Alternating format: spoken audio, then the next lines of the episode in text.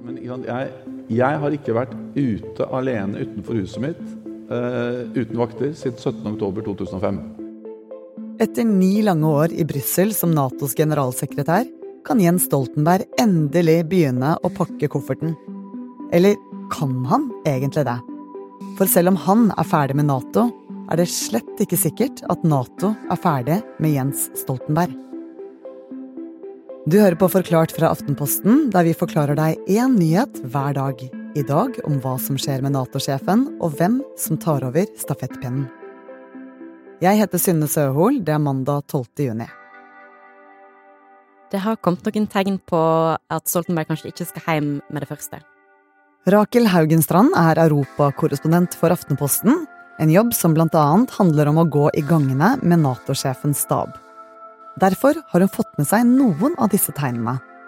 Som at Stoltenbergs stabssjef trakk en søknad til det norske utenriksdepartementet fordi han har lovet å være ved Stoltenbergs side til tiden som Nato-sjef er over. Og tidligere i vår så fortalte noen andre i Stoltenberg sin stab meg at det er vanskelig å planlegge flytting hjem til Norge. Skal barna søke seg inn på belgisk eller norsk skole til høsten?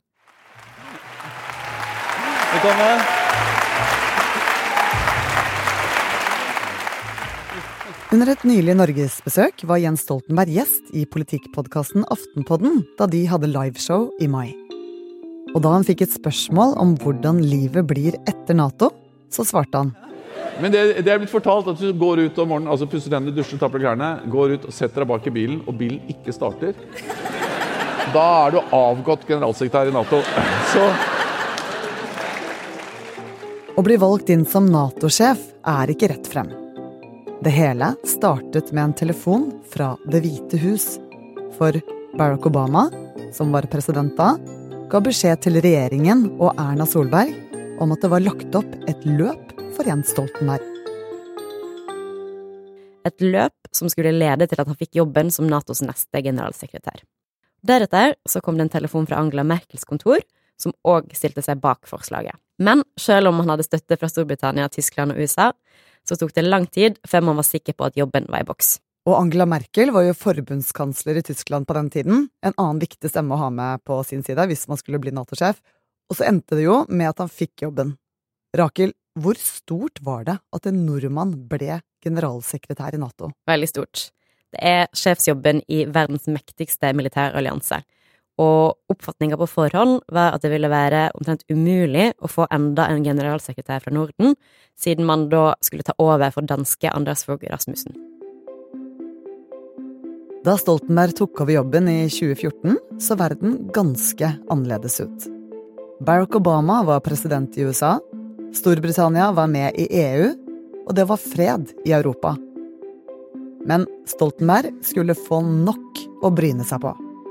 Frankrikes president Emmanuel Macron omtalte Nato-alliansen som hjernedød, og det har han brukt masse tid på å reparere skadene av. Og så har det selvfølgelig vært tøft eh, å jobbe med Russlands invasjon av Ukraina, og eh, at man i forkant prøvde å forhindre at det skulle skje. Men, men, vi lever i en veldig mye farligere verden enn vi har, har gjort før. Eh, men den andre delen av det Nato gjør, som får mye mindre oppmerksomhet, det er jo å hindre at krigen blir en storkrig. Eh, men en av de største utfordringene har òg eh, kanskje vært å temme USAs tidligere president Donald Trump. Trump har blitt sett på som en løs kanon, eh, og man har aldri visst om han dukka opp på møtet som sinna Trump eller skryter Trump. Han har skjelt ut Merkel, han har fyrt av meldinger på Twitter som ikke akkurat er diplomatiske, og det hele toppa seg på Nato-toppmøtet i Brussel i 2018, Eh, der han trua med å trekke USA ut av Nato dersom ikke flere land eh, skulle bidra mer over forsvarsbudsjettene sine. Så Jens Stoltenberg har definitivt hatt nok å styre med. Stoltenberg har jo også blitt utfordret av andre statsledere, som for eksempel Tyrkias president. Hvordan har det gått? Selv om Trump forsvant fra Det hvite hus, så fikk Stoltenberg en verdig arvtaker i Tyrkias stadig mer autoritære president, Recep Tayyip Erdogan. Tyrkia er Natos største europeiske land og en veldig viktig alliert. Men Erdogan ganske egenrådig som leder. Han satte seg eh, for eksempel på bakbeina da Sverige skulle inn i Nato, og det har skapt masse problemer og skytteltrafikk mellom Sverige og Tyrkia. Han er heller ikke spesielt ydmyk og mener at Tyrkia er viktigere for Europa enn Europa er for Tyrkia.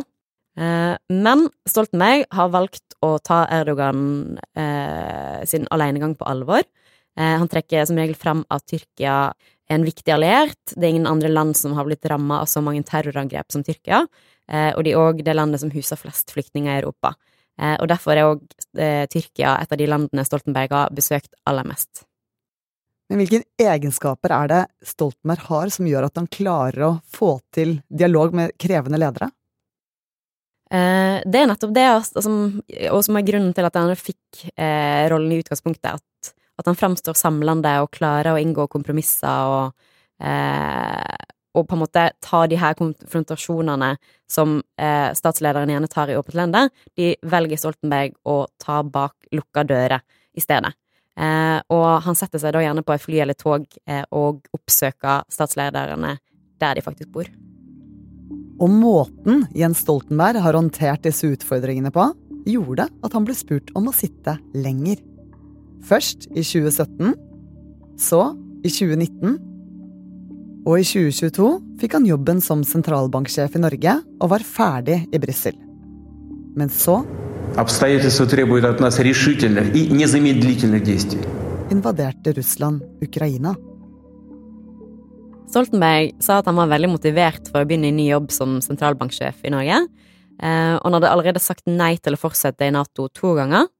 Men da Russland invaderte Ukraina, så eh, ble presset umulig å stå imot.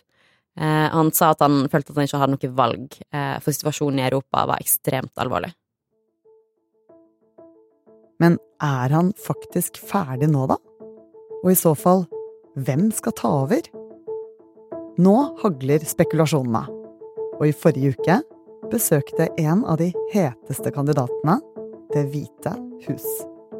Thank you so much, uh, Mr. President. It's really nice to see you again and uh, to be here.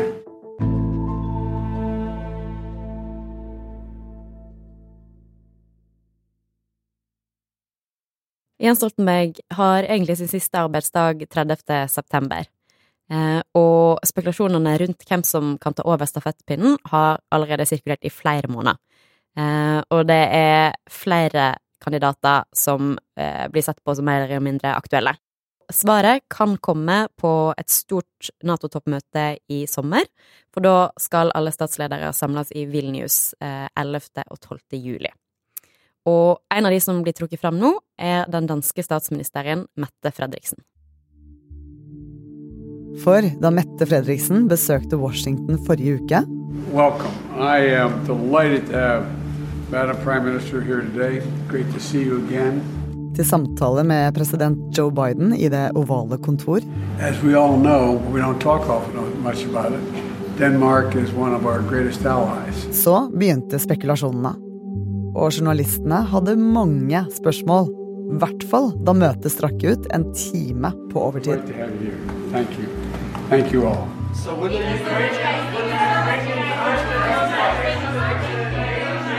Hvorfor er Mette Fredriksen aktuell kandidat? Hun er politiker eh, på statsledernivå og kjenner mange av de andre stats- og regjeringslederne i alliansen. Eh, og det som gjerne taler for, er at hun er hard mot Putin, men ikke for hard.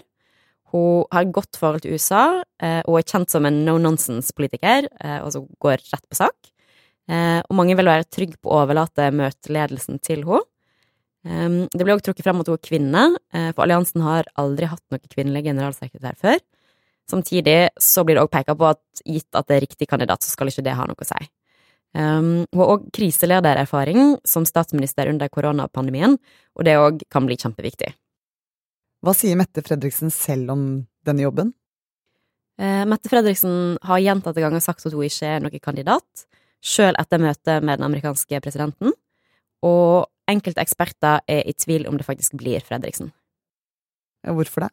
Det er dårlig timing for henne. Eh, for hun danna regjering eh, i desember, eh, og en danske leda alliansen før Stoltenberg, og enkelte medlemsland peker på at det nå er andre lands tur. Hvem andre er det som er aktuelle kandidater, da? Det er flere navn som har blitt kasta rundt. Statsministrene i Spania og Nederland er nevnt, Pedro Sánchez og Mark Rutte. Men Spania er lite involvert i Ukraina, og Rutte har flere ganger avvist at han er aktuell. Og i tillegg så har den spanske statsministeren lyst ut nyvalg 23. juli.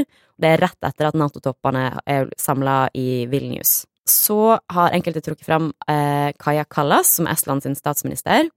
Eh, men et motargument her er at eh, landet er for haukaktig overfor Russland, altså de er for harde mot, eh, mot Putin og Russland. Og eh, medlemslandene skal ønske seg en generalsekretær som er litt mer diplomatisk. Men òg eh, for Kallas så er timinga dårlig, for hun danna sin tredje regjering i april i år, så den er altså veldig, veldig fersk. Så har man òg EU-kommisjonens leder Ursula von der Leyen som er blitt trukket fram. Og så har du òg britiske Ben Wallace, som er forsvarsminister. Og han har sagt at sjefsrollen i Nato ville vært fantastisk. For å bli valgt som generalsekretær i Nato, så må alle de 31 medlemslandene bli enige. Og det krever en del lobbyvirksomhet. To ting kan hjelpe deg for å kapre stillingen. Det ene er å ha Joe Biden på din side, og erfaring i krisehåndtering. Det har veldig masse å si eh, hvem som leder Nato. Det er verdens viktigste militære allianse, og en generalsekretær må klare å samle de 31 medlemmene. Personen må kunne håndtere uforutsette kriser og pleie forholdet til vanskelige statsledere. Og sånn sett har verken kjønn eller om de kommer fra Norden eller andre regioner som også sier, så lenge det er riktig kandidat. Ja, nå er det mye uro og mange konflikter som Nato må ta stilling til. Og hva vil det få å si for den som skal ta over for Stoltenberg? Den som tar over, går rett inn i en veldig krevende rolle i en ekstremt krevende tid. og derfor er det viktig å finne en kandidat som er statsleder, og som allerede har håndtert en krise eller to. Og hvor sannsynlig er det at Nato ber Stoltenberg om å sitte enda lenger?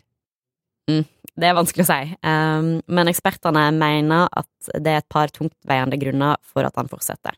For det første så går Ukraina-krigen Eh, i en veldig viktig fase nå, med den lange varsla motoffensiven. Og så har Nato 75-årsjubileum neste år. Det kunne vært et ganske naturlig eh, tidspunkt å runde av på. Hva skal Jens Stoltenberg gjøre når han er ferdig i Nato? Sjøl har han vært ganske taus om hva han skal gjøre videre. Eh, han har spøkt om at eh, han har permisjon fra en stilling i Statistisk sentralbyrå, som han kan vende tilbake igjen til.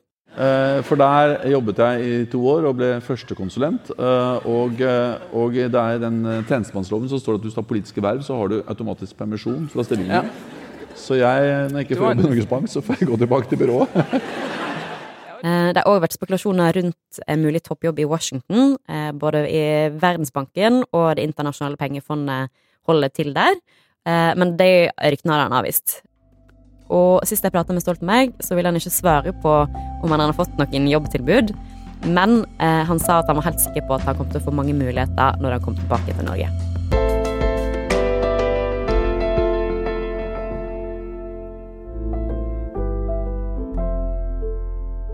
Du har hørt en podkast fra Aftenposten.